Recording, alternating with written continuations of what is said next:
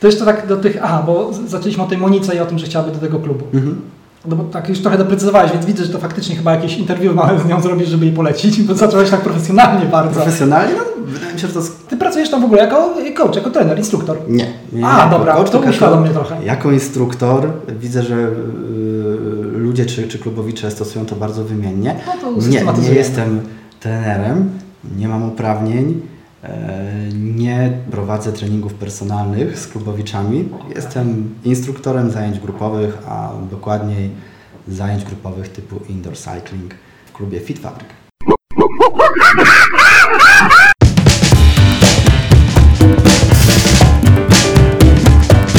To jest podcast Nilo.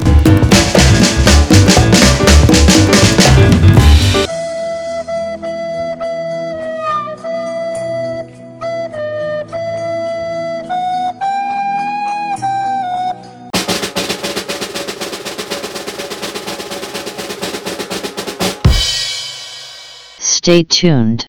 A to fajnie, bo to właśnie Monika też troszeczkę tych rowerków robiła grupowych też, to nawet by się łapała praktycznie. Zapraszam. To jest do tej twojej grupy.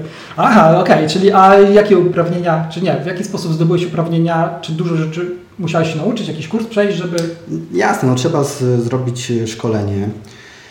Chyba na początku trzeba sobie zadać pytanie, jakim instruktorem zajęć grupowych chcesz być, jeżeli wybieramy zajęcia na rowerach stacjonarnych, czy chcesz prowadzić zajęcia zgodnie z filozofią e, indoor cycling, tak jak ja, czy chcesz prowadzić zajęcia zgodnie e, z naukami e, typu spinning. Tak, ty też Okej. osoby stosują bardzo wymi- wymiennie, jedziesz, a na spinning, spinning, spinning, no po czym się okazuje, że no, to nie był do końca spinning, tylko na przykład to były zajęcia indoor cycling. Okej, to I już... teraz zadasz pytanie pewnie, jaka jest różnica? No tak, to już jeżeli jest okazja, to usystematyzujmy.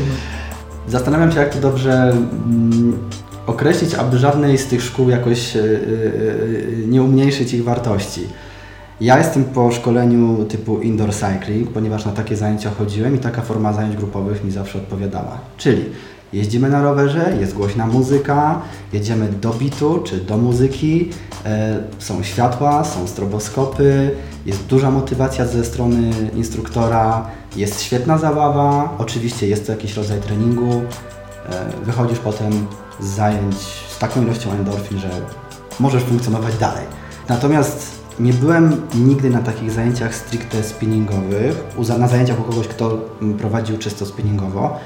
I to już jest taka filozofia jazdy i taka filozofia zajęć, gdzie zawsze ja podkreślam, że jeżeli są jakieś osoby, które na przykład bardziej amatorsko albo nawet nie jeżdżą na rowerze, albo y, są e, biegaczami, albo w zasadzie interesuje ich, czy pasjonuje, czy, czy, czy y, funkcjonują jakby w świecie triatlonistów, to myślę, że na zajęciach typu spinning odnajdą się całkowicie, ponieważ to są tak naprawdę dobre treningi, dobrze przygotowane, no oczywiście przez dobrego instruktora typu spinning.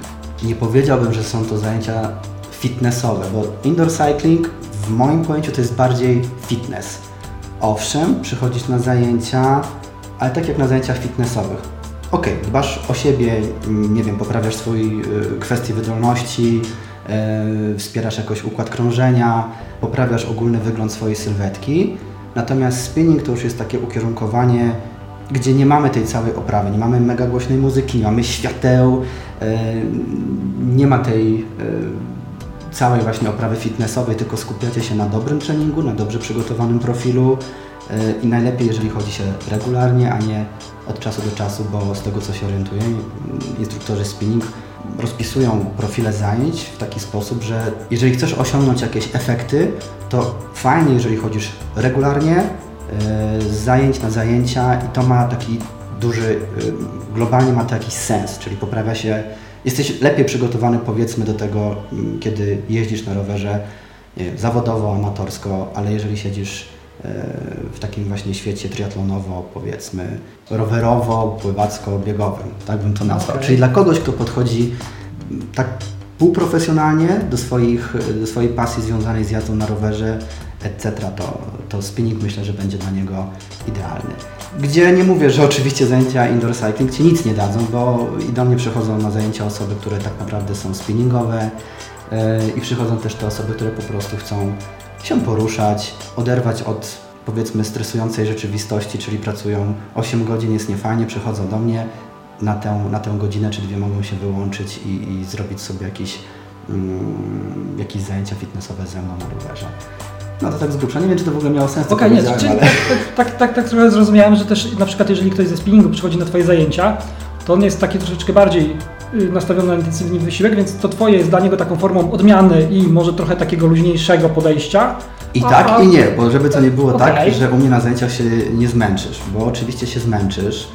E, Przychodzą do mnie na przykład osoby, które są spinningowcami i jadą jakby w swoim stylu. Nie do końca stosują się do moich zaleceń, ponieważ podczas jazdy typu y, indoor cycling chodzi o to, żeby tę jazdę na rowerze stacjonarnym w jakimś stopniu zbliżyć do takiej jazdy na rowerze na zewnątrz, tak jak się jeździ. Czyli musimy wprowadzać jakieś elementy, modyfikujemy obciążenie, e, dodajemy jakieś techniki typu wyskoki z siodełka, czy uginanie e, łokci, się nazywa rhythm press, czy stosujemy jakieś wariacje pod tytułem frozen, czyli mocniej angażujemy mm, mięśnie brzucha, żeby ustabilizować sylwet, sylwetkę. No, chodzi o to, żeby to w jakiś sposób nie było taką zwykłą jazdą, jedziesz, jedziesz, jedziesz i się nic nie dzieje, e, tylko żeby wrzucić jakieś, dorzucić jakieś elementy, które troszeczkę upodobnią tę jazdę e, na rowerze stacjonarnym do takiej jazdy na zewnątrz. Dużo, dużo osób jest w grupie, tak jak prowadzisz zajęcia? Nieskromnie powiem. U mnie jest średnio około 20 osób na zajęciach, czyli e, wszystkie rowery są zajęte. Aha, super. A, to, a dużo masz takich grup? To jest tak, że ja pracuję w dwóch klubach w sieci Fit Fabric. Nie wiem, czy mogę mówić, czy to już jest jakieś reklamowanie. Znaczy, możemy się mówić, że ta nazwa pada i ja wtedy tam, tam podlinkuję, że Okej. e, można Cię znaleźć Ja pracuję... tu i tu i jakby tak, Dobra. tak trochę reklamuję też przy okazji. Okej, ja pracuję w jednym klubie, w dwóch obiektach, czyli w Fit Fabric w Sukcesji i na ulicy Zgierskiej. I tam mam, w zasadzie pracuję tam od blisko dwóch lat, czy już ponad dwóch lat. I przez ten czas udało mi się mm, stworzyć grupy, czyli przychodzą do mnie osoby, które przychodzą regularnie, są praktycznie e, na każdych zajęciach, więc mogę powiedzieć, że udało mi się wypracować własne grupy i dzięki temu wiem na ile ich stać, wiem co mogę im zaproponować, wiem ile możemy razem e, zrobić, wiem co im przeszkadza, wiem co lubią, wiem czego nie lubią. Także no tak, no, udało mi się Czyli wypracować. masz takie osoby, które już przychodzą tak dla Ciebie też trochę. Że No mam tak, taką idą, idą, za, idą, za trenerem, idą za trenerem, że gdybyś względnie... Znaczy myślę, że to jest naturalne. Jak ja jeszcze nie byłem instruktorem, a chodziłem mm, na zajęcia grupowe, to pamiętam, że no tak jak mówię, to jest naturalne, że jeżeli instruktor Ci podejdzie, jeżeli go lubisz, jeżeli dobrze Ci się z nim pracuje, to faktycznie nie tylko przychodzisz jakby dla zajęć, ale też po części przychodzisz dla instruktora, bo wiesz jak on to prowadzi, jak, on, jak prowadzi zajęcia, wiesz jaki, jaki ma styl i jeżeli Tobie to odpowiadają, to jest naturalne, że będziesz do niego chodził. Zresztą ja też za swoimi instruktorami, do których chodziłem 4-5 lat temu na zajęcia, którzy z jednego klubu odeszli do drugiego, jakby za nimi dokonałem Mhm. transferu i, i, przeniosłem się do innego klubu, wybrałem inny klub. A jak zaczynałeś Ty y, trenować, y, to tak trochę się wracając właśnie o te kilka lat, no nie? Mhm. To jak to było? Dlaczego akurat wybrałeś, y, w skrócie tak mówiąc, y, Myślę, że w skrócie rowerki? to się nie da tego powiedzieć. Nie, nie, ja tylko to nazwę w skrócie. Rowerki. Okej, I jak to się tam przerodziło w taką już profesjonalną pasję? okej. e, hmm.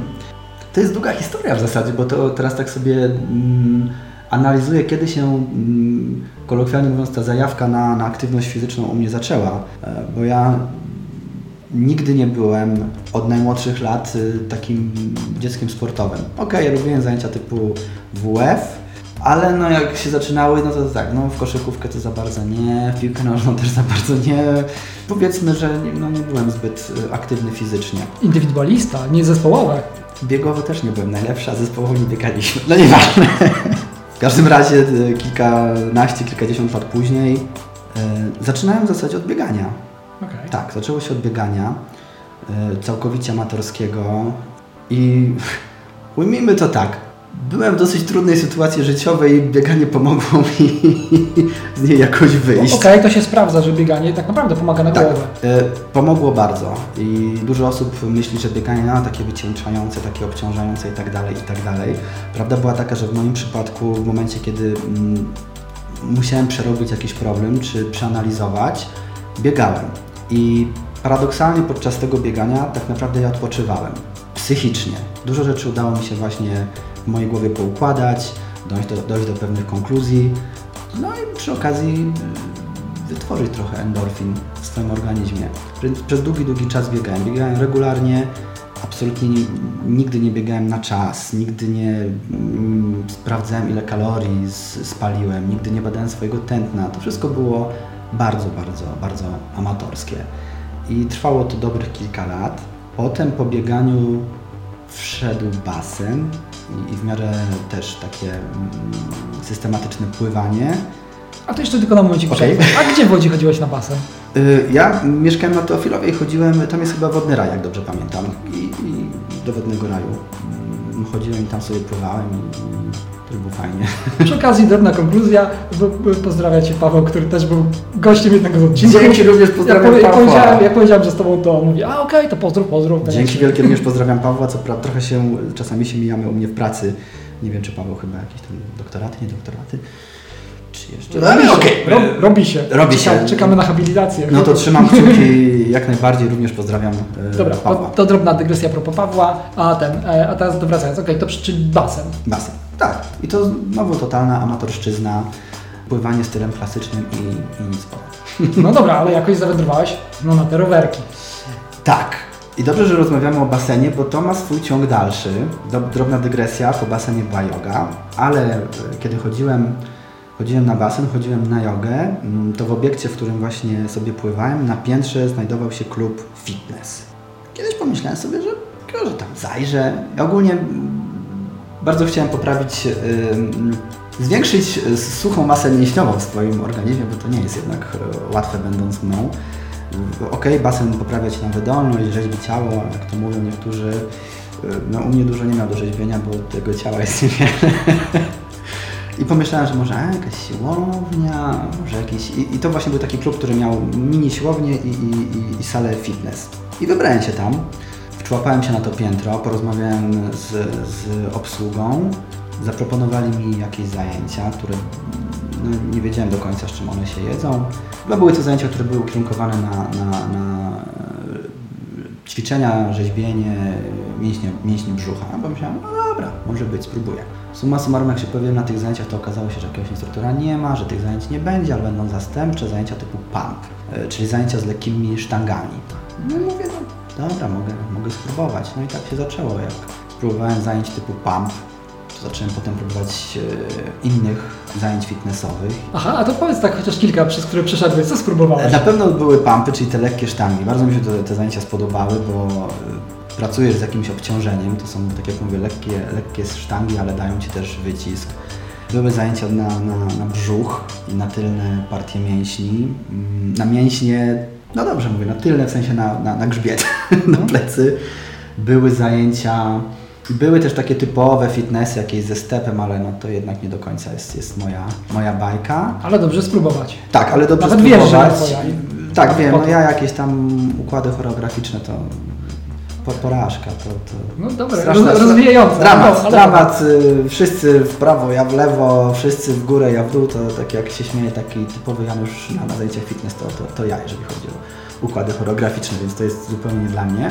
Niemniej jednak zajęcia bardzo fajne. Były też zajęcia, które imitowały tam jakieś sztuki walki, no ale to już takie naprawdę mocne, mocne cardio, że tak powiem. I właśnie kiedy mm, instruktorzy, do których ja chodziłem, przenieśli się do innego klubu, no, ja się przeniosłem za nimi. I tam już oferta była o wiele większa, y, zajęć grupowych typu fitness. A że lubię próbować różnych rzeczy, no to zacząłem tak. Próbowałem trochę, trochę tego, trochę tamtego i w efekcie trafiłem na, na zajęcia na rowerki. No i na zajęciach na rowerach stacjonarnych, no to było to. To było coś, co mi się strasznie podobało. To było coś, co ogarniałem. E, Coś, co mi sprawiało dużo przyjemności, coś, co przynosiło efekty, bo jednak widzisz, że wydolność Twojego organizmu się zmienia. E, Widzisz, że wygląd Twojego ciała też się w jakimś stopniu e, mm, zmienia. I tak sobie pomyślałem w którymś momencie, może ja bym się nadawał do takiego instruktora. No i to był dosyć złożony proces, bo jak dojrzałem do tej myśli, że warto zrobić szkolenie, to zajęło to kilka lat. Po szkoleniu też kilka lat papier leżał i nie podejmowałem żadnych e, prób, żeby, żeby dostać się do jakiegoś klubu, no, ale jakoś się udało. A czy ty już tak dość dawno temu zrobiłeś te papiery? Papiery, ojej, tak sobie analizuję, 4 lata temu? Nie, chyba nawet więcej.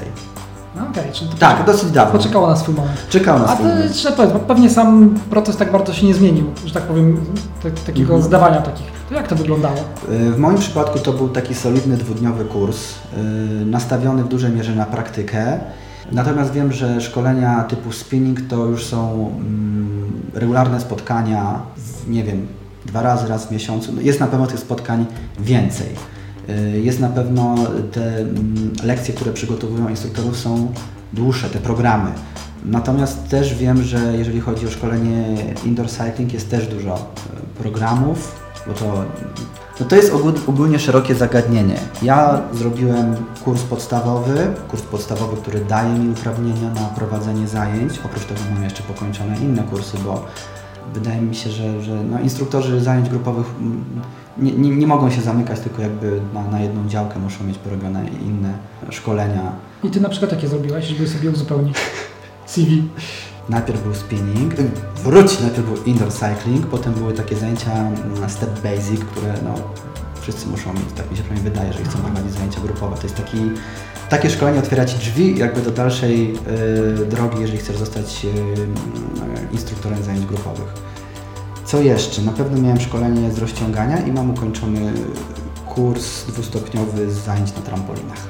Okej, na takich szkoleniach oprócz tam jakiejś dawki teorii, jak rozumiem, tak powiedziałeś, że też jest nacisk na praktykę. Tak. To czy jak, jakoś instruowano Cię albo sprawdzano Twoją umiejętność do prowadzenia zajęć? Tak.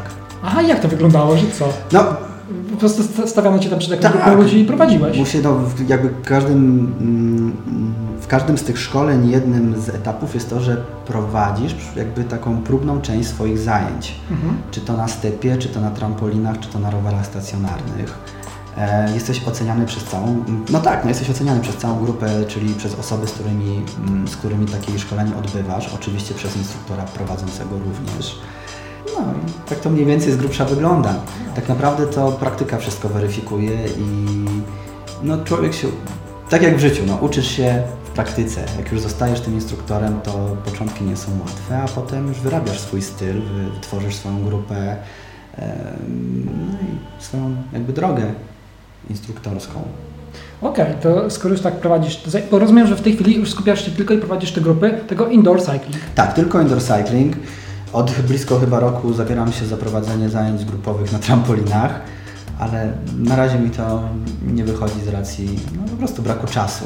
Aha. Ja też jestem osobą, można powiedzieć, dosyć ambitną i lubię wszystko zrobić od A do Z i przygotowanie. To było tak samo z zajęciami y, na rowerach. To nie było tak, że ja zrobiłem kurs, y, minął, minął tam jakiś czas, przeszedłem pomyślnie casting, rozmowę kwalifikacyjną i super, Marcin, zaczynasz od poniedziałku i ja w poniedziałek skoczyłem na rower, poprowadziłem zajęcia. Nie, tak nie Mhm. było.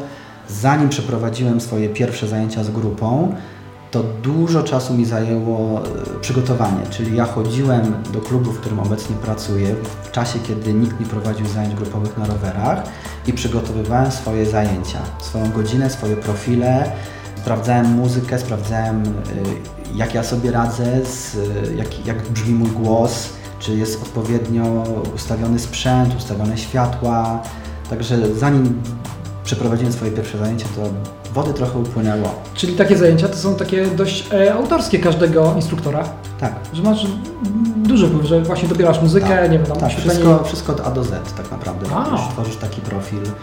Znaczy no wiadomo, to musi mieć jakieś, no wszystko musi mieć ręce i nogi. To nie No tak, no po to szkolenie. No po to jest szkolenie. Co robisz, ale, to nie jest ale... tak, że nie, nie, wiem, wezmę sobie 15 Mhm. utworów od sasa do lasa i dobra, jedziemy dzisiaj, prawa, lewa, teraz szybciej, teraz wolniej. No nie, to trochę trzeba przemyśleć, dostosować. Jeżeli już też znasz grupę, to wiesz na ile, ich na ile stać Mhm. e, klubowiczów, którzy do Ciebie przychodzą. I, I wiesz na ile, jak ciężki może być trening, co będziecie na nim robić. Tak to, tak to wygląda. Skoro już też prowadzisz, no, e, jak sam mówisz, od e, pewnego czasu, tam powiedzmy ponad roku, tak? Mhm. Chyba już nawet blisko No, dwa lata. no, prawie dwa lata. I skoro już nawet też osoby, że tak powiem, są przyzwyczajone do Ciebie i że tak prze, przewędrowałyby za Tobą, Tak. gdyby, Tak, to tak się masz wydaje. swoich faktycznie klientów swojej grupy, to powiedz, bo też obserwujesz progres ich. E, To fajnie, to fajnie widać, że jak tak się Fajnie wspinają, że widać. zmieniasz też te programy później jakby Tak, zwiększając... y, na pewno widać to wszystko najlepiej na samym początku, kiedy przychodzą do Ciebie na przykład osoby, które albo mało ćwiczyły, albo miały niewielką aktywność fizyczną w swoim życiu, albo nie ćwiczyły wcale. Mhm. I początki są trudne. Osoby są często zniechęcone, bo widzą, że grupa daje sobie świetnie radę, a no muszę przyznać, że mam naprawdę mocne grupy. To są osoby, które mają tak świetną wydolność i, i jeszcze tak dobrą technikę jazdy, że jak przychodzi ktoś, kto jest y, niedoświadczony, może tak pomyśleć, że trochę odstaje, ale to, to nie ma sensu się zrażać, bo to 5, 10, 15 zajęć i ja widzę, jaki jest progres. Widzę, jak wydolność organizmu uczestników się poprawia. Widzę, mm, jak później ta grupa się naprawdę fajnie unifikuje i, i, i, i ludzie jadą naprawdę świetnie. Owszem, są osoby e, często niereformowalne, które, no to mówię głównie, jeżeli chodzi o bezpieczną technikę jazdy. Ja jestem ostry, jeżeli o to chodzi i bardzo swoich mm, podopiecznych strofuję, piłuję i pilnuję, żeby nie zrobili sobie po prostu krzywdy. Bo są osoby, które przychodzą do mnie długo i nie mogę ich, że tak powiem, wyprofilować. Okej, no to jeszcze tak wracając do tego progresu, czyli obserwujesz taki fajny Tak, progres? I mógłbyś o tym opowiedzieć na przykład jak, e, nawet nie tylko, no bo to trudno może tak opisowo, jak wydolność się zwiększa i tak Mhm, dalej, mhm. ale tak na przykład, że zauważyłeś, że ktoś, no nie wiem, przeszedł na tą grupę właśnie spinningową, też tam robi furorę, Tak, albo... e, były takie osoby, które zaczynały, zaczynały u mnie, czyli na zajęciach typu indoor cycling e, i były bardzo zadowolone i wszystko mi się podobało i było fajnie. I spróbowały pójść na zajęcia e, typu spinning i tak naprawdę tam poczuły, że to jest to, m, co chciały, e, co- chciałyby robić, to są zajęcia, które im odpowiadają. Zdarza się tak, że takie osoby pójdą na spinning i już na przykład do mnie nie wrócą i ja jakby z tego powodu, jakby to rozumiem i, i trochę tam może uronię łezkę, że już nie wraca do mnie mój uczestnik, e, ale wiem, że wybrał dobrą drogę i to było coś, co jemu odpowiada. Są osoby, które ja nawet namawiam, mówię, słuchajcie, widzę, że no okej, jesteśmy już też znajomymi, bo to jest naturalne, na Facebooku widzę, że te osoby jeżdżą w plenerze, e, na rowerze i mówię, słuchajcie, może spróbujcie, przejdźcie się na zajęcia typu spinning. I tak jak mówię, część osób, wow, to jest to, zostajemy, a część osób, wiesz co Marcin, nie, no to ja to jednak wolę, żeby to, to były zajęcia takie jak Ty prowadzisz. A ja mówię, no dobra, ale no coś, coś było nie tak. Nie, to wiesz, ja mam trudną sytuację zawodową, ja wychodzę z pracy, to jestem wkurzona, ja muszę pojechać, musi być muzyka, musi być beat, musi być szał. Okej, nie ma sprawy, zapraszam. To jest każdego indywidualna y, decyzja, co wybierze. Ale to spoko, bo też mówiłeś, że ten powiedzmy progres to obserwujesz też właśnie na mediach społecznościowych, że widzisz, że oni tam właśnie jeżdżą, więc że ludzie się wciągają faktycznie w ogóle w jeżdżenie. Też, też są już takie osoby, które przychodzą do mnie i ja, one po prostu no, nie są zielone, one jeżdżą plenerze Aha. i to tak jeżdżą. Naprawdę niektórzy podchodzą do tego bardzo profesjonalnie, bo to jakieś triatlony, jakieś zawody, Em, więc, więc to, to grupa, nigdy jakby grupa nie jest jednolita w tym znaczeniu, że są ludzie, którzy to robią em, dla przyjemności, są ludzie, którzy to robią dla treningów, są ludzie, którzy e, sami gdzieś półprofesjonalnie, bo profesjonalnie biorą udział w jakichś zawodach, udział w zawodach i, i, i chcą jakby swoją formę poprawiać, także no, no, nie jest to jednorodna y, grupa, ale można sobie stworzyć, tak powiem, grupę ludzi, którzy przychodzą do Ciebie regularnie i wiesz, na ile możecie sobie pozwolić. A gdybyś miał tak troszeczkę, nie mówię mnie konkretnie, Mhm. ale gdybyś miał tak troszeczkę zareklamować, no nie? Takie Tak. zajęcia, jakie ty prowadzisz, Mhm. to powiedziałbyś, że w czym one pomogą i co pomogą rozwinąć? Od strony takiej y, związanej z organizmem to na pewno wspierają, dobrze działają na układ krwionośny, że tak powiem. Na pewno poprawia się wydolność. Y, Na pewno y, no, ciało też się zmienia. To są, ja bym powiedział, że są takie zajęcia y, multi. One działają na y, wiele aspektów Twojego ciała, Twojego życia, nie tylko prozdrowotnie, y, ale także, tak jak mówię, poprawiają wygląd, pośladki się ujędrniają, e, na pewno się poprawia wydolność, na pewno też się poprawia siła, e, jeżeli pracujemy na dużych obciążeniach. Natomiast ja zawsze powtarzam, że przede wszystkim, wiem, że to zabrzmi dosyć trywialnie, ale to jest przede wszystkim dobra zabawa. To jest, to jest ten czas, kiedy e, przychodzisz i przez godzinę się odrywasz od problemów. Lecimy sobie do fajnej muzyki, w fajnej atmosferze, zresztą bardzo się grupy świetnie socjalizują. Ludzie się już poznają, więc jest dużo śmiechu, jest dużo zabawy. No i mówię, to też wzmacnia, poprawia odporność organizmu, takie zajęcia. To tak w wielkim, wielkim skrócie. Okej, to tak jak powiedziałeś, że tam ktoś mówi, że mam stresującą pracę, ja Tak. potrzebuję się wyżyć, wyjść i później ha, być Tak. zadowolonym i... I wychodzisz i jesteś zadowolony. No, ja sam jako, y, jako instruktor, który prowadzi zajęcia, jak wychodzę o 22 czy 23 z, z, z klubu, to roznosi mnie e, energia, jakby ilość endorfin, które się wytwarzają podczas pracy na rowerach stacjonarnych jest, jest, jest, jest olbrzymia i trzyma mnie to dosyć długo, długo, długo, długo, długo. To fajna praca w sumie. Tak, to jest fajna praca i no, uwielbiam ją. Naprawdę to jest taka, taka robota, że nie spodziewałem się, że ona mi przyniesie tyle frajdy. Owszem, jestem zmęczony, e, zabiera ona trochę czasu, no bo wiadomo, zajęcia trzeba przygotować, salę trzeba ogarnąć i tak dalej, i tak dalej. Natomiast y, uwielbiam tę pracę. A to tak tygodniowo, y, to ile czasu spędzasz w klubach? W Dużo. klubie? Dużo z tej. y, Tygodniowo moja siatka godzin obejmuje 4 godziny. Siatka godzin zamyka się w 4 godzinach, natomiast y, czasami biorę zastępstwa, e, ale spędzam więcej czasu, ponieważ pierwszą pracę kończę zazwyczaj w granicach godziny 15, drugą zaczynam w granicach godziny 18.30. W obrębie tych dwóch, trzech godzin tak naprawdę nie wrócę do domu, nie wrócę do mieszkania, nie prześpię się, e, tylko w zasadzie jadę z jednej pracy do drugiej, tam wykonuję swój trening jakiś siłowy, e, potem przygotowuję salę, sprawdzam nagłośnienie, sprawdzam muzykę, czyli profil, który przygotowałem dla moich uczestników, sam go w jakimś stop, stopniu przejeżdżam, co nie znaczy, że wsiadam na godzinę na rower i jadę, jadę, tylko przejeżdżam, więc sprawdzam jaka tu jest prędkość, jaka tu jest kadencja, czyli ile jest tych uderzeń na minutę, jakie obciążenie dostosować, zastosować w tym przypadku.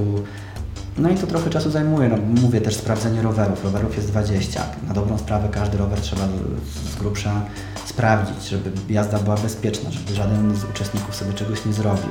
Sprawdzić, czy zapięcia są odpowiednie, czy rower nie lata na lewo i na prawo, czy nie ma jakiegoś uszkodzenia. To wszystko zajmuje czas. Dostosowanie głośności, dostosowanie świateł, ogólne przygotowanie y, stanowiska pracy, no to takie, to, to nie jest tak, że ja przechodzę 5 minut przed zajęciami, wsiadam i 4, 3, 2, 1 jedziemy, tylko trzeba przyjść odpowiednio wcześniej. I... To skoro tak sprawdzasz na przykład stan techniczny, Mhm. ale to nie ty naprawiasz, jest jakiś człowiek od Tak, tego. jest od tego osoba, która konserwuje sprzęt. Owszem, mi się czasami zdarza, jak rower e, skrzypi, no to wiem, gdzie go trzeba naoliwić, żeby było ok, czy, czy, czy jakąś tam śrubeczkę dokręcić. Natomiast są od tego osoby, konserwatorzy, którzy się zajmują tym już i to nie jest jakby mój problem. Ja zgłaszam, jeżeli taki sprzęt jest uszkodzony menadżerowi, dokładnie podaję informację, co się dzieje z rowerem, wskazuję rower i liczę na to, że w niedługim czasie ten problem zostanie rozwiązany. I tak na ogół jest, jak rozumiem. Tak, oczywiście. Zapewne różnie, czasami szybciej, czasami wolniej. Czasami szybciej, czasami wolniej. No może trzeba pamiętać o tym, że taki sprzęt jest bardzo eksploatowany. Ilość godzin, ilość jakby kilometrów przerobionych przez uczestników zajęć, no to jest, to są mm, ogromne liczby tak naprawdę. I wiadomo, że taki sprzęt to, to nie jest niezniszczalny. On dosyć szybko się powiedzmy zużywa i no, konserwacja też powinna dosyć często się odbywać. No. No pracujesz w takim dość dużym klubie, no nie? Tak, to jest obecnie chyba w Łodzi, nawet nie chyba, tylko na pewno największy, Aha. największy klub y, siłownia y, na terenie naszego województwa. To tam jest tak, że na przykład, że y, ta siatka godzin, ty masz tam zajęcia powiedzmy tą godzinę czy dwugodzinne, Tak, tak. to jest wpleciona i po prostu te rowery nie stoją tak naprawdę, tylko praktycznie cały czas Cały czas są używane. Zajęcia są w godzinach porannych i zajęcia są w godzinach popołudniowych. Poniedziałki to mamy duże natężenie, bo ja wchodzę po moim koledze, po mnie wchodzi od razu moja koleżanka, Mhm. więc mamy trzy godziny z rzędu. Także no tak, no jest eksploatowany solidnie, solidnie. No i też mówię, to nie jest taka jazda, jedziemy sobie, jest przyjemnie i nie przemęczamy się, tylko no to jest czasami solidna praca, czyli mamy duże obciążenie trzeba wprowadzić, czyli to koło zamachowe pracuje z jakimś tam tarciem, prawda? Także jeżeli ktoś jeszcze nie jeździ zbyt powiedzmy poprawnie, to też tą kierownicą tam operuje, chociaż nie powinien, ale wiem, że to jest, jest, jest to trudne, żeby tak utrzymywać ciężar ciała zawsze nad siodełkiem, Aha. więc ta kierow- kierownica też jest rozregulowana. Z racji tego, że robimy wyskoki, czyli wstajemy, siadamy na siodełko, siode- siodełko też się czasami roz, rozreguluje. No i wiadomo, że, że zapięcia, które są w, w pedałach, no też pękają. Miałeś jakieś historie z drobnymi wypadkami podczas zajęć? Miałem, miałem. Ostatnio mojej uczestniczce, yy, przy czym ja zawsze powtarzam moim uczestnikom, chowamy sznurowadła w obuwie, chowamy sznurowadła w obuwie. I Aha. właśnie sznurówka się wkręciła w mechanizm i był mały, mały ząg. E, Na szczęście nic się nie stało, ani rowerowi, ani uczestniczce, no ale sznurówka już niestety out. A, czyli to jest jednak taka podstawowa sprawa, kluczowa. Tak, Chowamy sznurówki. Mojej koleżance w zeszłym tygodniu no, akurat było takie bardzo niebezpieczne zdarzenie. Podczas sprintów, czyli przy bardzo Mhm. intensywnej pracy na rowerze, y, pękł pedał. No, mogło się to skończyć bardzo, bardzo źle. Na szczęście się tutaj nic nikomu nie stało, nikt nie ucierpiał poza rowerem, ale tak, zdarzają się takie, takie sytuacje. Czy jeszcze coś miałem? No tak, był oczywiście wy- wyrobiony mechanizm siodełka, gdzie ktoś jedzie, jedzie nagle odjeżdża mi do tyłu.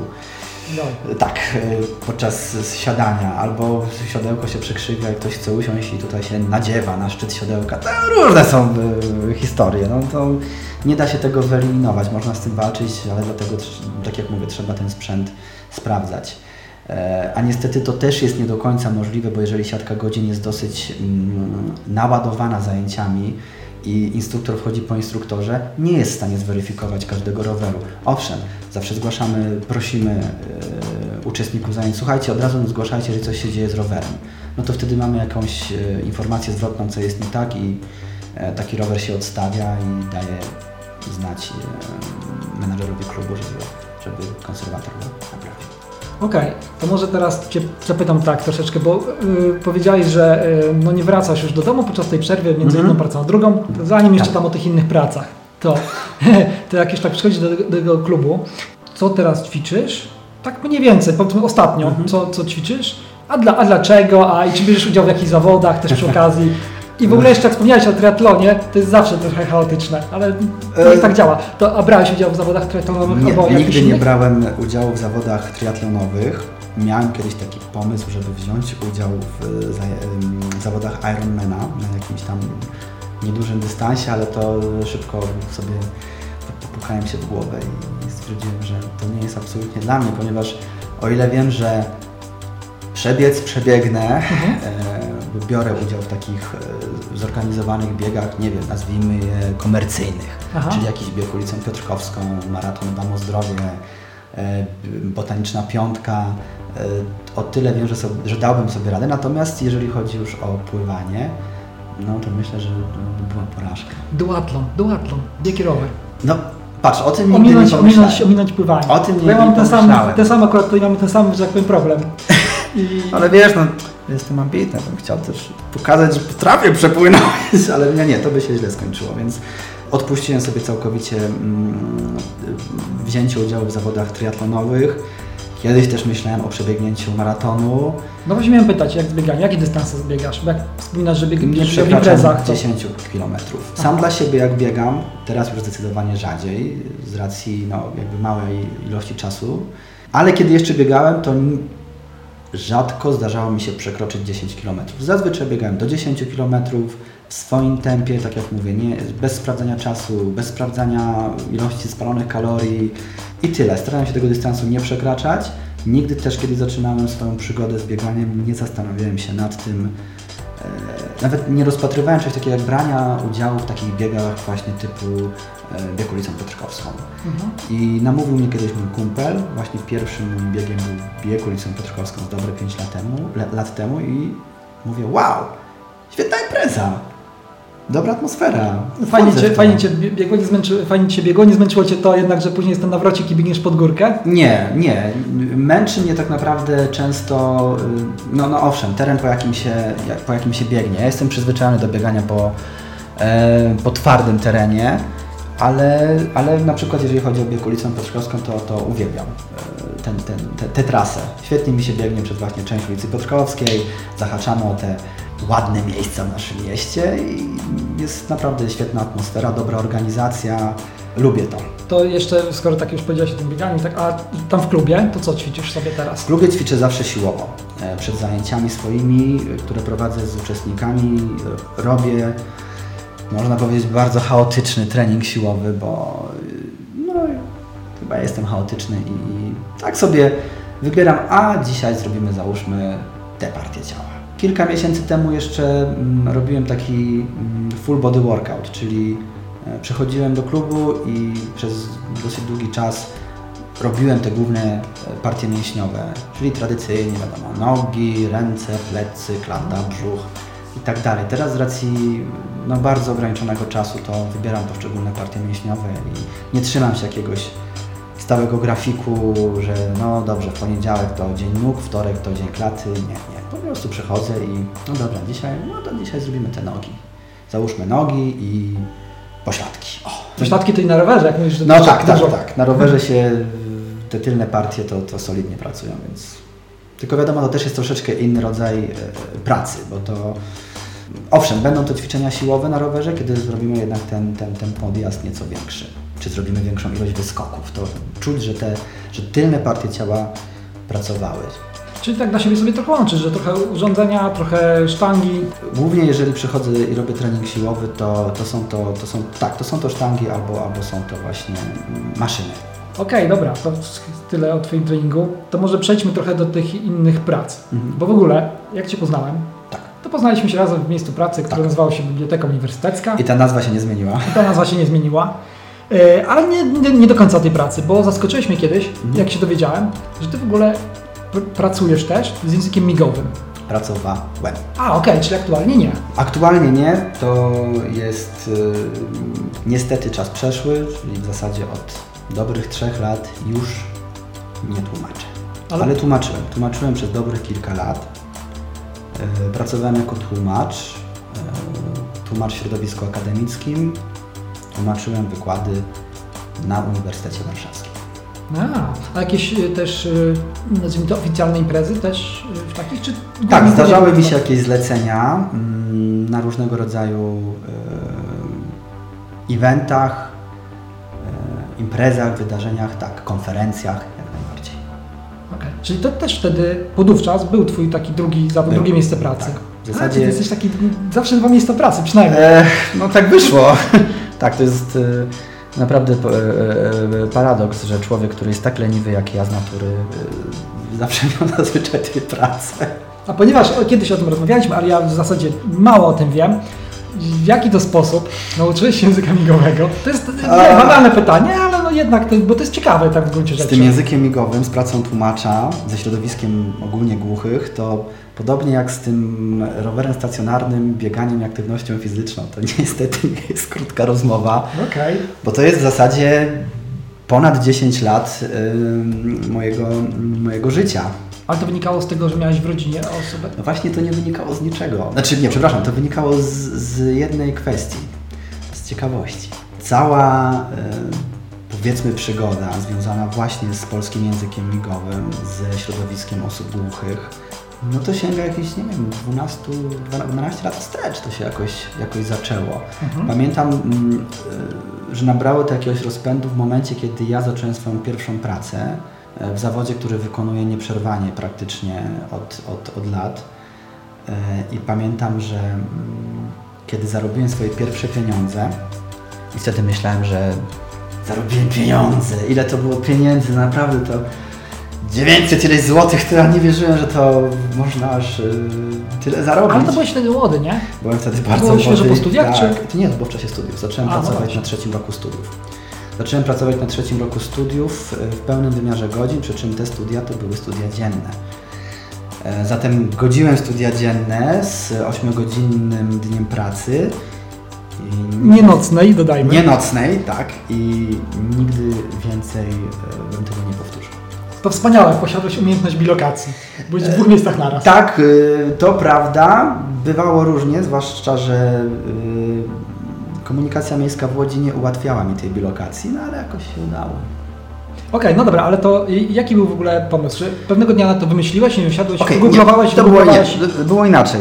Y, Jako dziecko i zapewne Ty też pamiętasz, że kiedy oglądało się kanały telewizji publicznej w latach 90., czasami w rogu, dokładnie w prawym dolnym rogu, pojawiał się pan lub pani, która była dosyć nieduża i coś robiła, co do końca dla dziecka nie było zrozumiałe, co się tam dzieje. No ta pamiętam, bo pani- ja jestem starszy, to tym lepiej, no. tym lepiej pamiętam. Jeszcze pamiętam.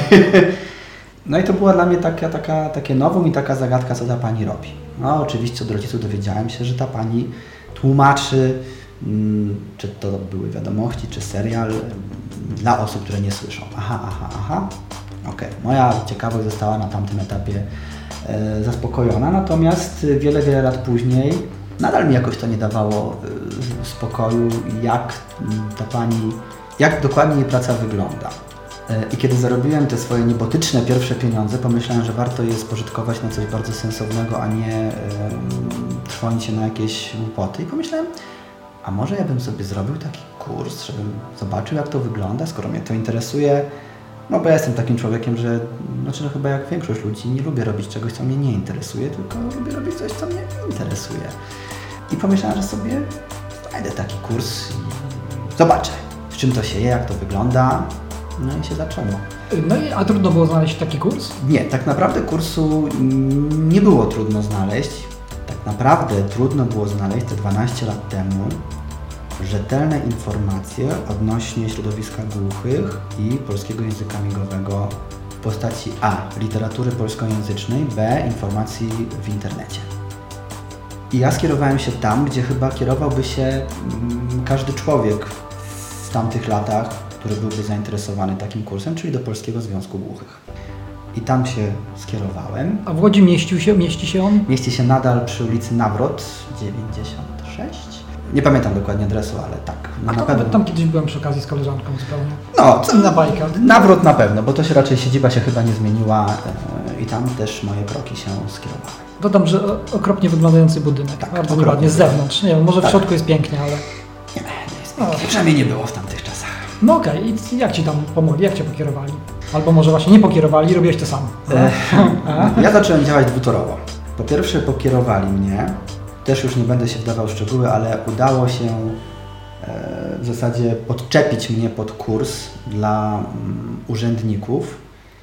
E, Tak, to była Okej. też długa, złożona historia.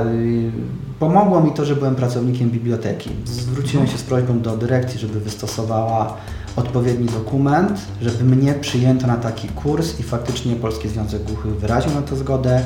Przyjęto mnie na takie szkolenie, mimo że nie byłem, i byłem i nie byłem, bo to było szkolenie dla pracowników urzędów państwowych. Już nie pamiętam Okej, dokładnie.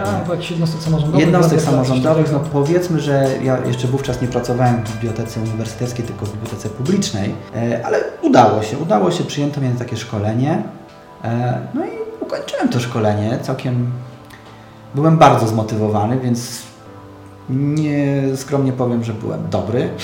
Aha, Tak jak mówię, działałem wtedy dwutorowo. Pierwsze kroki to były kroki, które skierowałem do Polskiego Związku Głuchych, ale te drugie kroki, które skierowałem, to skierowałem je w tym kierunku, ponieważ jakby chciałem doświadczyć tego języka w takim naturalnym środowisku. No wiadomo, że w Polskim Związku Głuchych to jest, e, była wtedy pani, która e, słyszała i prowadziła taki kurs i uczyła nas tam pojedynczych znaków. Natomiast ja chciałem zobaczyć, jak ten język wygląda e, w takiej formie naturalnej, czyli tam, gdzie są głusi. No, owszem, w Polskim Związku Głuchych są głusi, ale akurat my to szkolenie mieliśmy w innym miejscu i, i byliśmy tylko my, czyli grupa urzędników, która się szkoliła.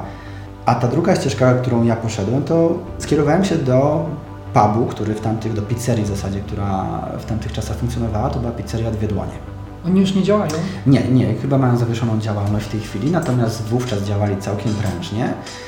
No i tak jak poszedłem, tak już zostałem, można powiedzieć. E, Zaprzyjaźniłem się z, e, z właścicielami, z pracownikami. Są to relacje, które utrzymujemy po dziś dzień. I tak naprawdę to tam zobaczyłem, jak wygląda, jak funkcjonuje, jak komunikują się osoby głuche. I to było inaczej niż na, na tym No, szkoleniu w Polskim Związku. To było zupełnie inaczej. To jest kolejne zagadnienie, bardzo długie i bardzo skomplikowane i ja nie wiem, czy my naprawdę mamy tyle czasu, żeby o tym rozmawiać, bo ja o języku, o polskim języku migowym to mogę rozmawiać z Tobą bardzo, bardzo długo. Ale To mo- może kiedyś jakiś osobny odcinek, bo jeżeli długo, to... powiem tylko tyle. W Polskim Związku Głuchych w tamtych czasach kurs wyglądał tak, że tak jak już wspomniałem, siedziała pani, my siedzieliśmy e, dookoła tejże pani i uczyliśmy się z książeczki polskie słowo, odpowiednik w języku migowym. Polskie słowo, odpowiednik w języku migowym. Składanie zdań, pod polską gramatykę podkładaliśmy znaki języka migowego. Super! Świetna robota, łatwy język, no come to każdy może być A tłumaczem. to poczekaj jeszcze, bo powiedziałeś, że e, byłeś zmotywowany i dobrze Ci poszło. A długo trwało to szkolenie? Dwa miesiące? Miesiąc już nie pamiętam. To był Okej. jakiś. Nie, przepraszam, bo to były. A, a tak bardziej, gdybyś określił ilość godzin na to, może to prędzej, bo Już ci nie powiem, bo nie pamiętam. Wiem, że to było dosyć krótkie szkolenie. Ono się odbywało w miarę regularnie. E, kilkanaście, kilka- kilkadziesiąt? Na pewno kilkadziesiąt godzin to chyba było. Pamiętam, że jeździłem wówczas w godzinach pracy, potem tego to było dosyć skomplikowane. Rano jeździłem na to szkolenie, potem wracałem do pracy, a to szkolenie już nie pamiętam, czy się odbywało codziennie. Nie pamiętam, wiesz, to było tyle lat temu, że... Nie, no okej, ale chciałem mieć takie mniej więcej... Pamiętam, że taką- było na pewno kilka stopni. I ja Aha. ukończyłem pierwszy stopień, drugi stopień.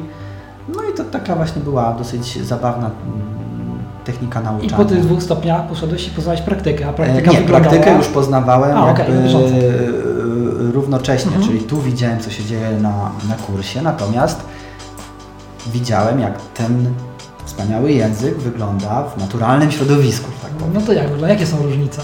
Bo szok był dosyć duży, ponieważ tutaj się uczymy, składamy te zdania ze znakami. Tu widzę, że jak się osoby głuche komunikują, to tak naprawdę to wygląda trochę inaczej. Mało tego, nawet te znaki są jakieś takie troszeczkę inne. A że jestem dosyć ciekawski, to zacząłem grzebać. No mówię, w tym internecie polskojęzycznym to ja nie, nie, niewiele mogłem znaleźć tak Mhm. naprawdę. Były strony y, anglojęzyczne, trochę poczytałem, zacząłem zauważać, że są jakieś tam... Dużo informacji jest ogólnie. I w końcu też trafiłem na takie forum internetowe, które chyba już niestety nie, nie istnieje. Nazywało się dev.pl i jakoś pierwsza próba nie była zbyt trafiona, bo jakoś wszedłem, ale nie, nie odnalazłem się. Ale zrobiłem drugie podejście. No i to też był, otworzyło mi bardzo, bardzo oczy, ponieważ już tam znalazłem na tymże forum bardzo wiele informacji odnośnie polskiego języka migowego i czyli wszystko zaczęło się układać w jakąś całość. Tu mamy ten kurs, e, który w ogóle chyba nawet nazywał się kurs polskiego języka, nie, kurs języka miganego, Aha.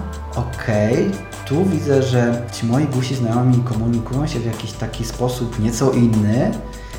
Na forum piszą o systemie językowo-migowym, o polskim języku migowym. No to nie jest chyba jakieś takie proste, proste zagadnienie. Okazuje się, że jest kilka systemów. Okazuje się, że jest coś takiego jak system językowo-migowy, czyli język, jak wtedy dobrze pamiętam, nazwano miganym i jest język społeczności głuchych, który nazywamy polskim językiem migowym.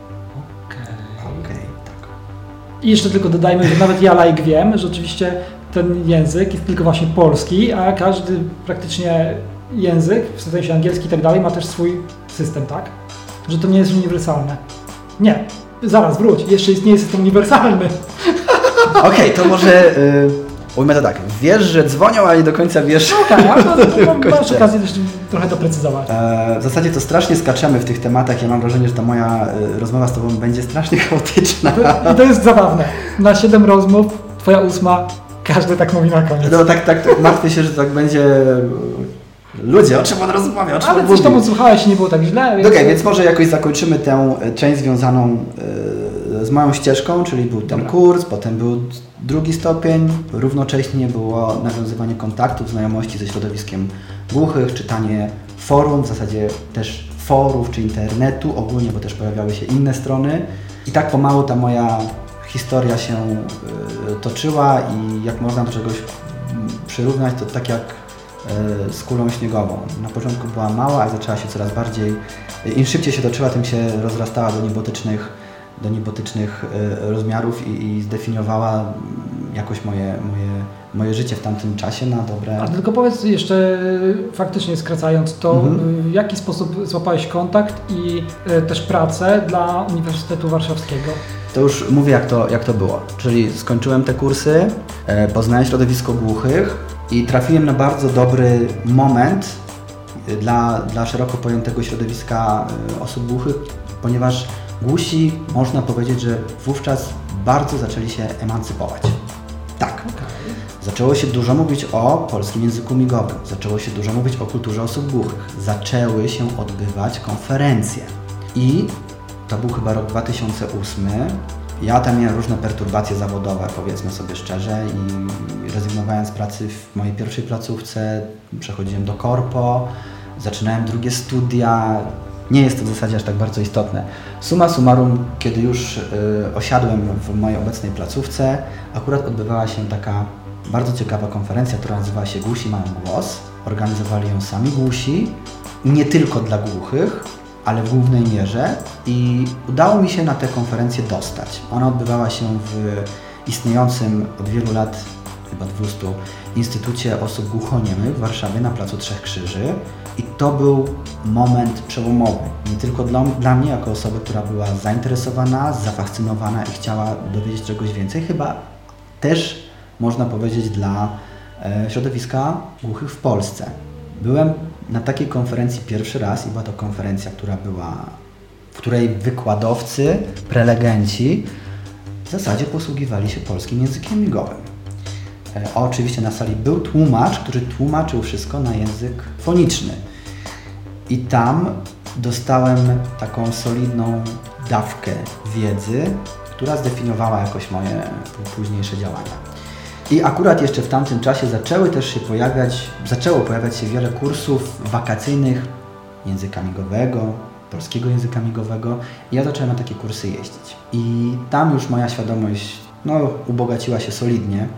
W Polskim Związku Głuchych to powiedzmy, że jakieś tam kompetencje, nawet zastanawiam się jakie kompetencje nabrałem. No, nauczyłem się pojedynczych znaków, może tak. Yy, natomiast na takich wakacyjnych kursach nie dość, że uczyłem się języka, to nabywałem dużą świadomość, duży zakres wiedzy odnośnie polskiego języka migowego, kultury osób głuchych i tak dalej. I w tamtym czasie pamiętam, że już zaczęło się mówić o studiach podyplomowych w Warszawie, które miały się otworzyć. To były takie pionierskie pierwsze studia.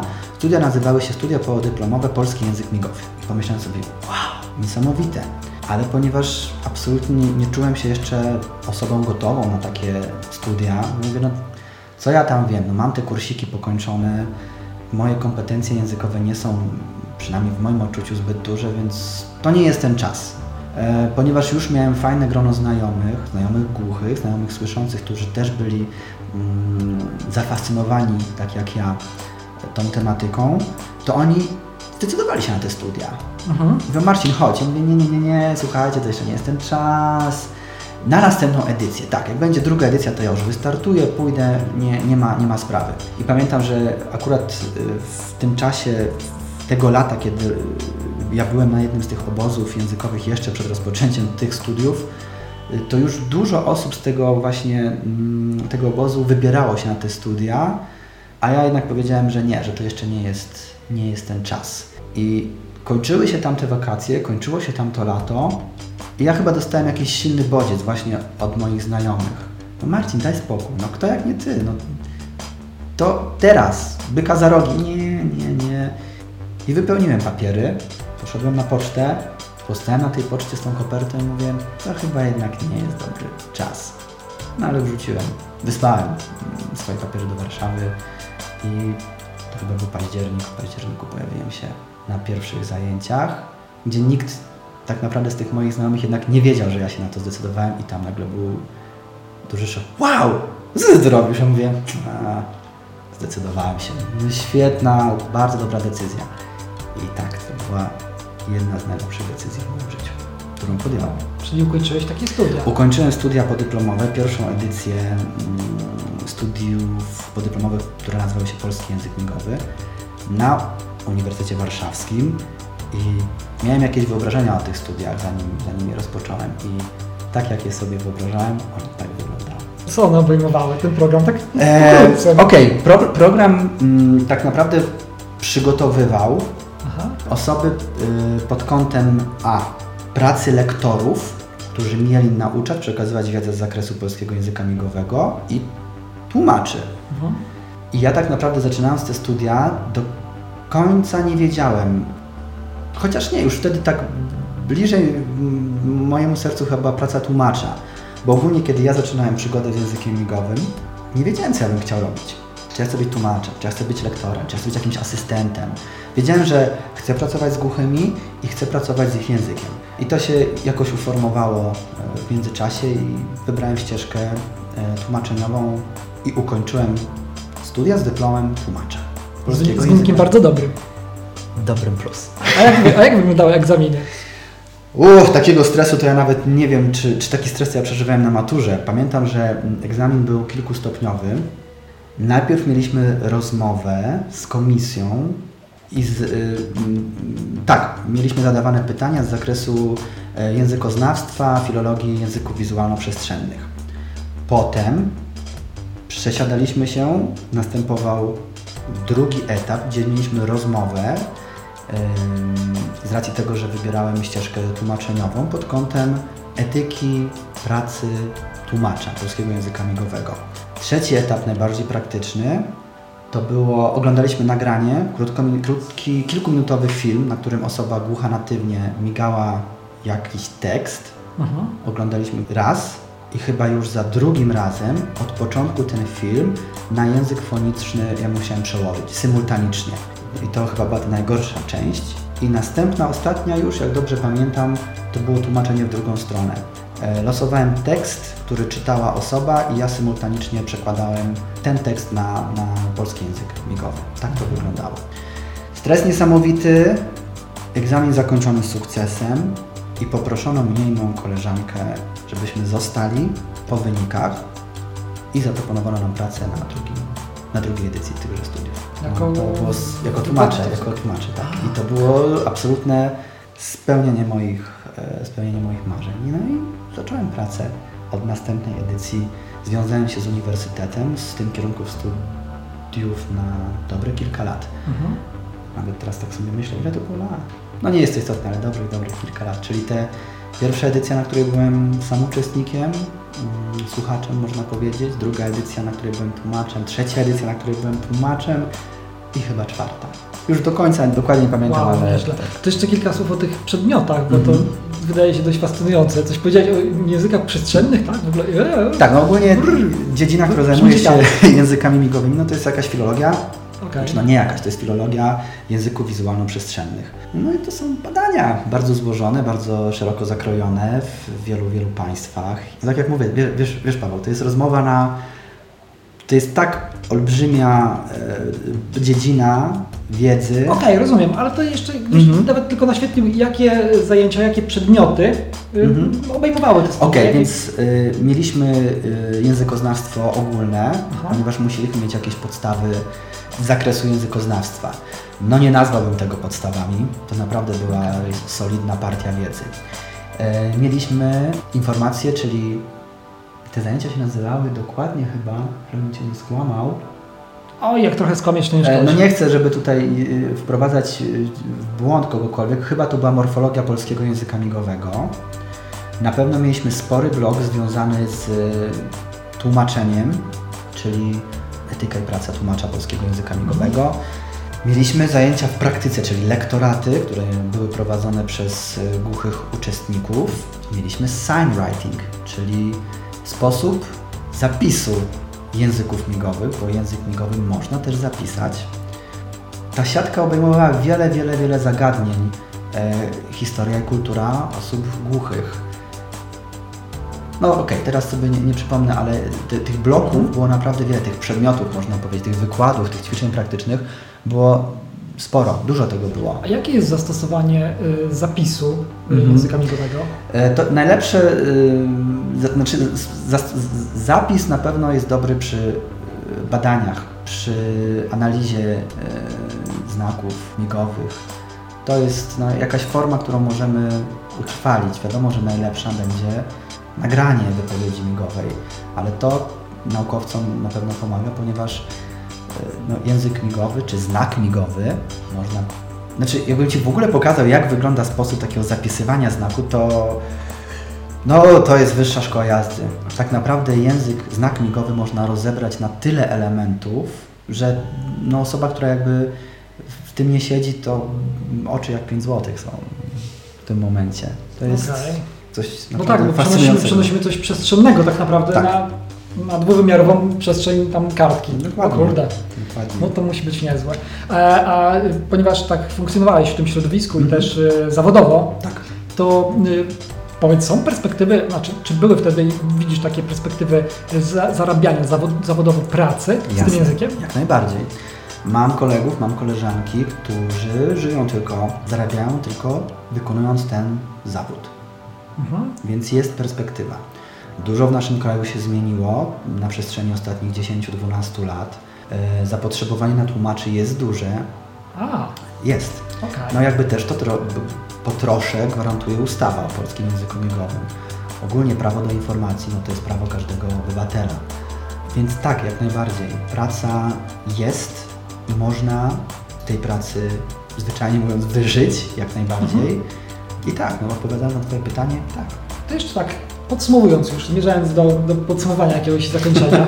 A, nie było Czyli tak już- krótko. już- już nie było tak kończymy? krótko- Nie było tak krótko, ale nie było też tak krótko, jak mówiłeś na początku. A jednak było o czym, e, o czym porozmawiać i Cię posłuchać. No jest jeszcze dużo, dużo, dużo zagadnień. No ro- rozumiem, zwłaszcza jeżeli no, jesteś specjalistą, można powiedzieć, w tym zakresie, to rozumiem, że ale tutaj taki mini wykład zrobić, ale to chciałbym, żebyś jeszcze, po, ponieważ jak tak powiedziałem, że są te różne języki i że gdzieś o tym słyszałem, Mhm. to gdybyś mógł tak odrobinę naświetlić tą sprawę. Kiedy powiedziałem, że są też języki narodowe i że to powiedziałeś, że gdzieś mi dzwoni, ale E, nie no, do końca. No dobra, to e, może zrobimy, zrobimy inaczej.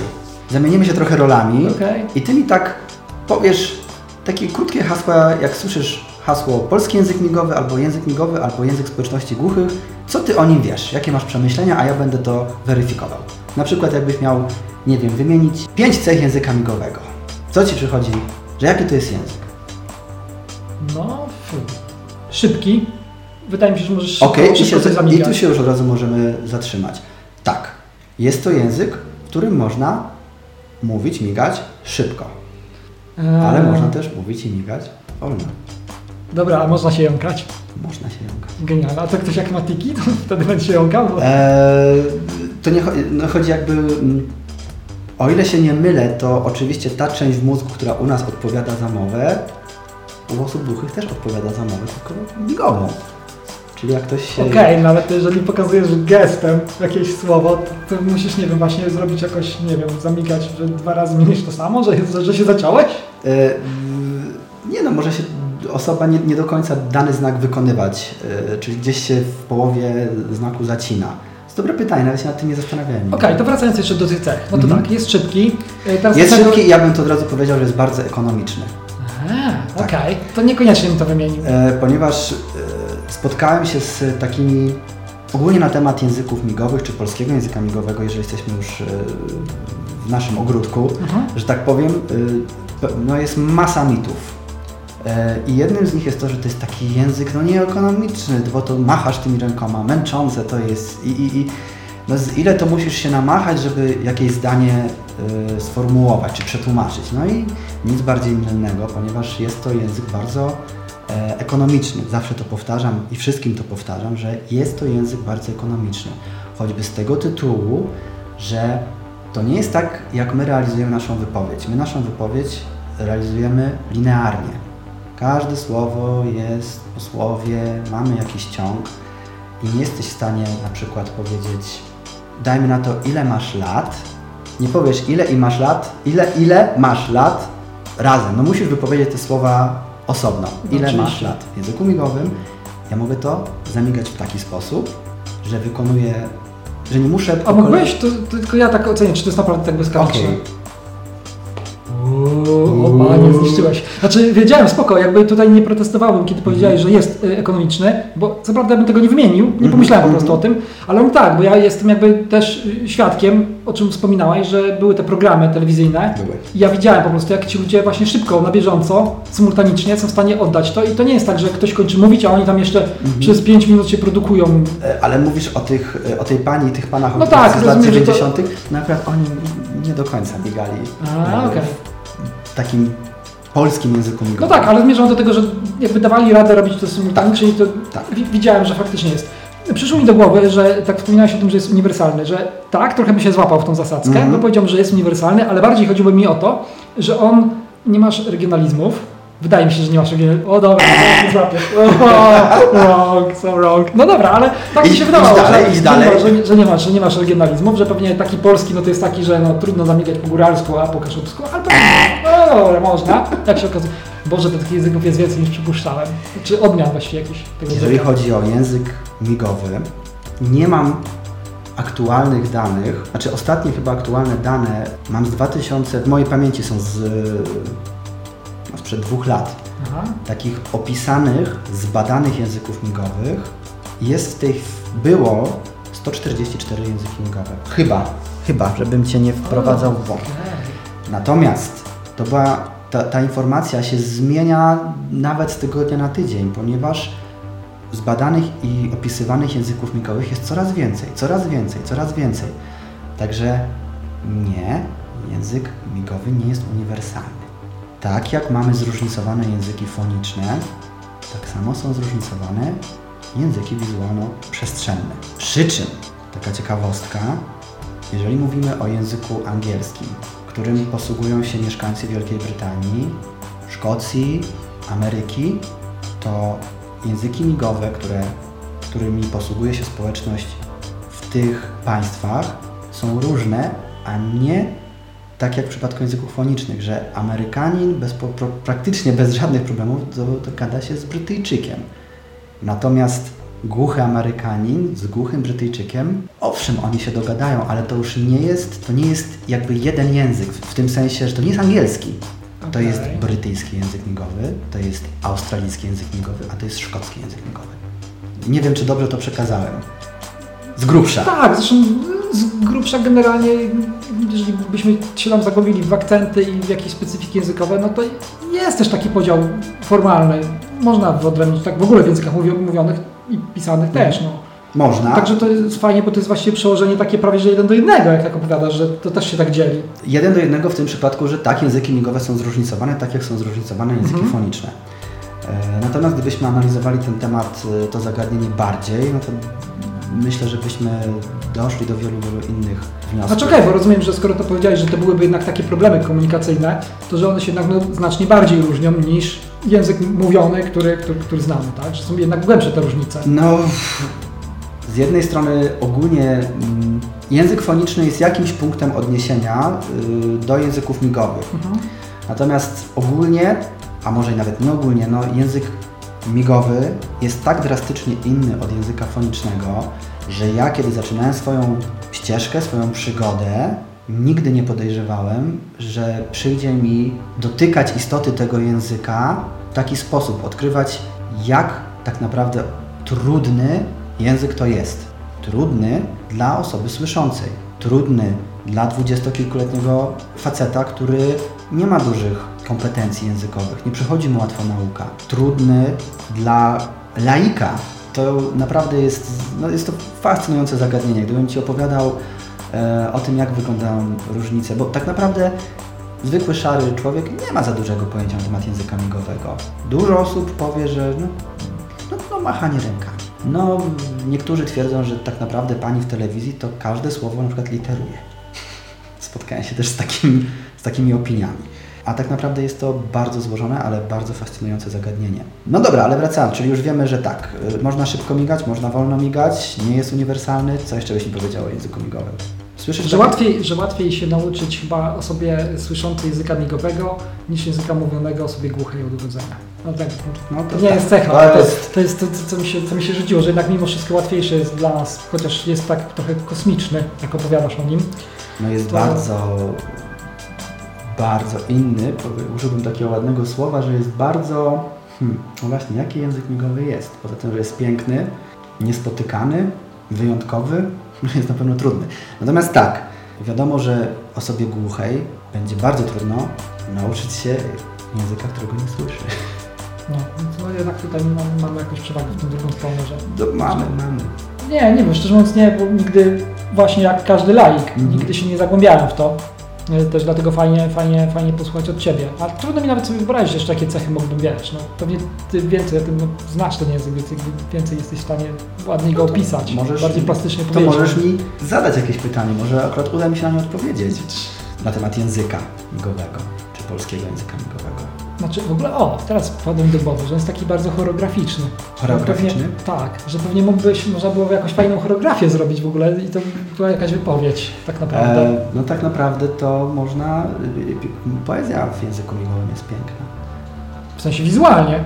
Tak, wizualnie i ten sam przekaz, który niesie za sobą treść jest, jest, jest też piękny, bo musimy mieć świadomość tego, że kultura osób głuchych, no to tak jak kultura wielu społeczności zawiera wiele elementów. Sztuka, historia. Zaraz, zaraz, teraz przyszło mi na myśl. Czy Tak? ty tutaj imputujesz, że to się trochę odbywa, tłumaczenie odbywa się trochę tak, jak masz przekład na przykład poezji, dajmy na to, angielskiej, na język polski Mhm. i że tutaj tłumacz też tak mocno ma wpływ na tą treść? Czy to się jednak odbywa jeden do jednego? Nie, nie, nie. No, to jest kolejne trudne zagadnienie z, Nie, z bo teraz, tłumaczeniowej. znaczy tak, bo to, mnie, bo to mnie teraz zaciekawiło, bo jeżeli mówimy faktycznie o tym, że powiedziałaś o tych przekładach, o poezji, Mhm. to przyszło mi na myśl, o kurczę, przecież to, zresztą nie tylko w poezji, ale ogólnie, nie wiem, przy powieści, też jest tak, że tłumacz ma tak naprawdę bardzo duży, bardzo wiele zależy od tłumacza w momencie y, przekładu. Tak, i między innymi dlatego już tego zawodu nie wykonuję, ponieważ jest to ładunek, jaki niesie za sobą wykonywanie, odpowiedzialność w tym zawodzie jest ogromna. Presja w tym zawodzie jest ogromna. Presja czasowa w tym zawodzie też jest ogromna. Więc to nie jest tak, że wykonując tłumaczenie, to tak przychodzę, robię swoje i wychodzę. Nie, no to jest jednak bardzo dużo za sobą niesie. E, Natomiast jeżeli chodzi o tłumaczenie, no wchodzisz w fajne zagadnienie, ponieważ zastanawiałem się, nigdy chyba nie wykonywałem tłumaczenia artystycznego, czyli nie, nie, nie tłumaczyłem poezji, zresztą nawet bym się nie odważył. Nie wiem w zasadzie co Ci powiedzieć. No tak, wiele zależy od tłumacza. Wiele zależy od tłumacza. Tłumacz musi oddać tak naprawdę w sposób taki no wierny to, co, co się dzieje. Czyli jeżeli na przykład, nie wiem, wykładowca, że takie jest moje zdanie, ja bym tak zrobił. Tak mnie mniej więcej uczono, jeżeli wykładowca jest bardzo żywy w prowadzeniu, głośny, to tłumacz też moim zdaniem powinien odzwierciedlić troszeczkę to, jaka ta osoba jest. A jeżeli wykładowca jest na przykład taki strasznie nudny, no to wypadałoby też po części, żeby, wiesz, żeby ten przekaz był y, taki jak dla słyszących, był też i dla głuchych. Tak mi się wydaje przynajmniej. No ja zawsze- można też krzyknąć w języku migowym, Oczywiście. spokojnie. Wszystko można. Można w języku migowym powiedzieć wszystko o wszystkim i można krzyczeć. I można mówić szeptem. Można mówić szeptem. Można mówić przez sen w języku migowym. Można komunikować się na tak wiele sposobów, że zagadnienie naprawdę fascynujące. To zachęcam każdego, jeżeli choć trochę się interesuje, żeby, żeby, żeby spróbował, poczytał pewne rzeczy. Tutaj polecam książkę, która dla mnie jest taką Biblią i do której ja z reguły nie wracam do książek, a jednak jest to książka, do której, jedyna książka, do której wracam często, to jest y, Zobaczyć głos e, Olivera Saxa. Oliver Sacks, tak. Świetna, wciągająca, doskonale opisująca zagadnienie społeczności głuchych i, i języka migowego. W ogóle Oliver Sacks miał świetne od czasu, kiedy miał on chyba wylew. Później świetne pisał książki właśnie o też ogólnie o działaniu Mhm. mózgu, o neurologii. Tak, Ja się akurat bardziej z tej strony z nim zetknąłem. Akurat o języku migowym nie trafiłem. I akurat ta o, o, o, języku migowym też jak, jakieś informacje neurologiczne mm, chyba zawiera, bo ta, tak, tak, tak, Znaczy, zawiera. niego myślę, że o niego tak wszystko. Marcin, dziękuję za rozmowę. To ja dziękuję. Fantastycznie. Miałem okazję poznać coś zupełnie nowego i myślę, że ci, którzy to wysłuchają też. Yy, więc dzięki wielkie. Nie ma za co. Mam, mam straszne takie poczucie, że było to tak z mojej strony chaotyczne, że, że, że no ale liczę na to, że ktoś z- w, tej, w tym chaosie odnajdzie jakiś porządek i znajdzie coś, coś dla siebie. Dzięki wielkie.